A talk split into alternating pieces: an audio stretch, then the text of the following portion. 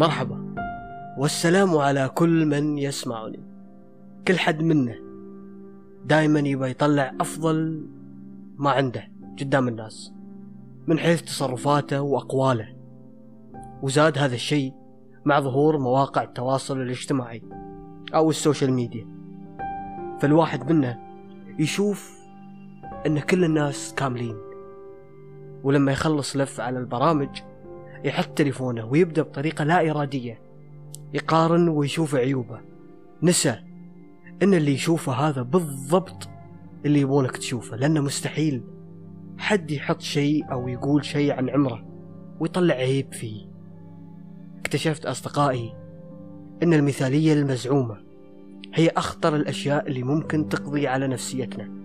صحيح المفروض منا نسعى وراء المثالية والكمال لكن مع إيمان تام أنه مستحيل نوصل إليها.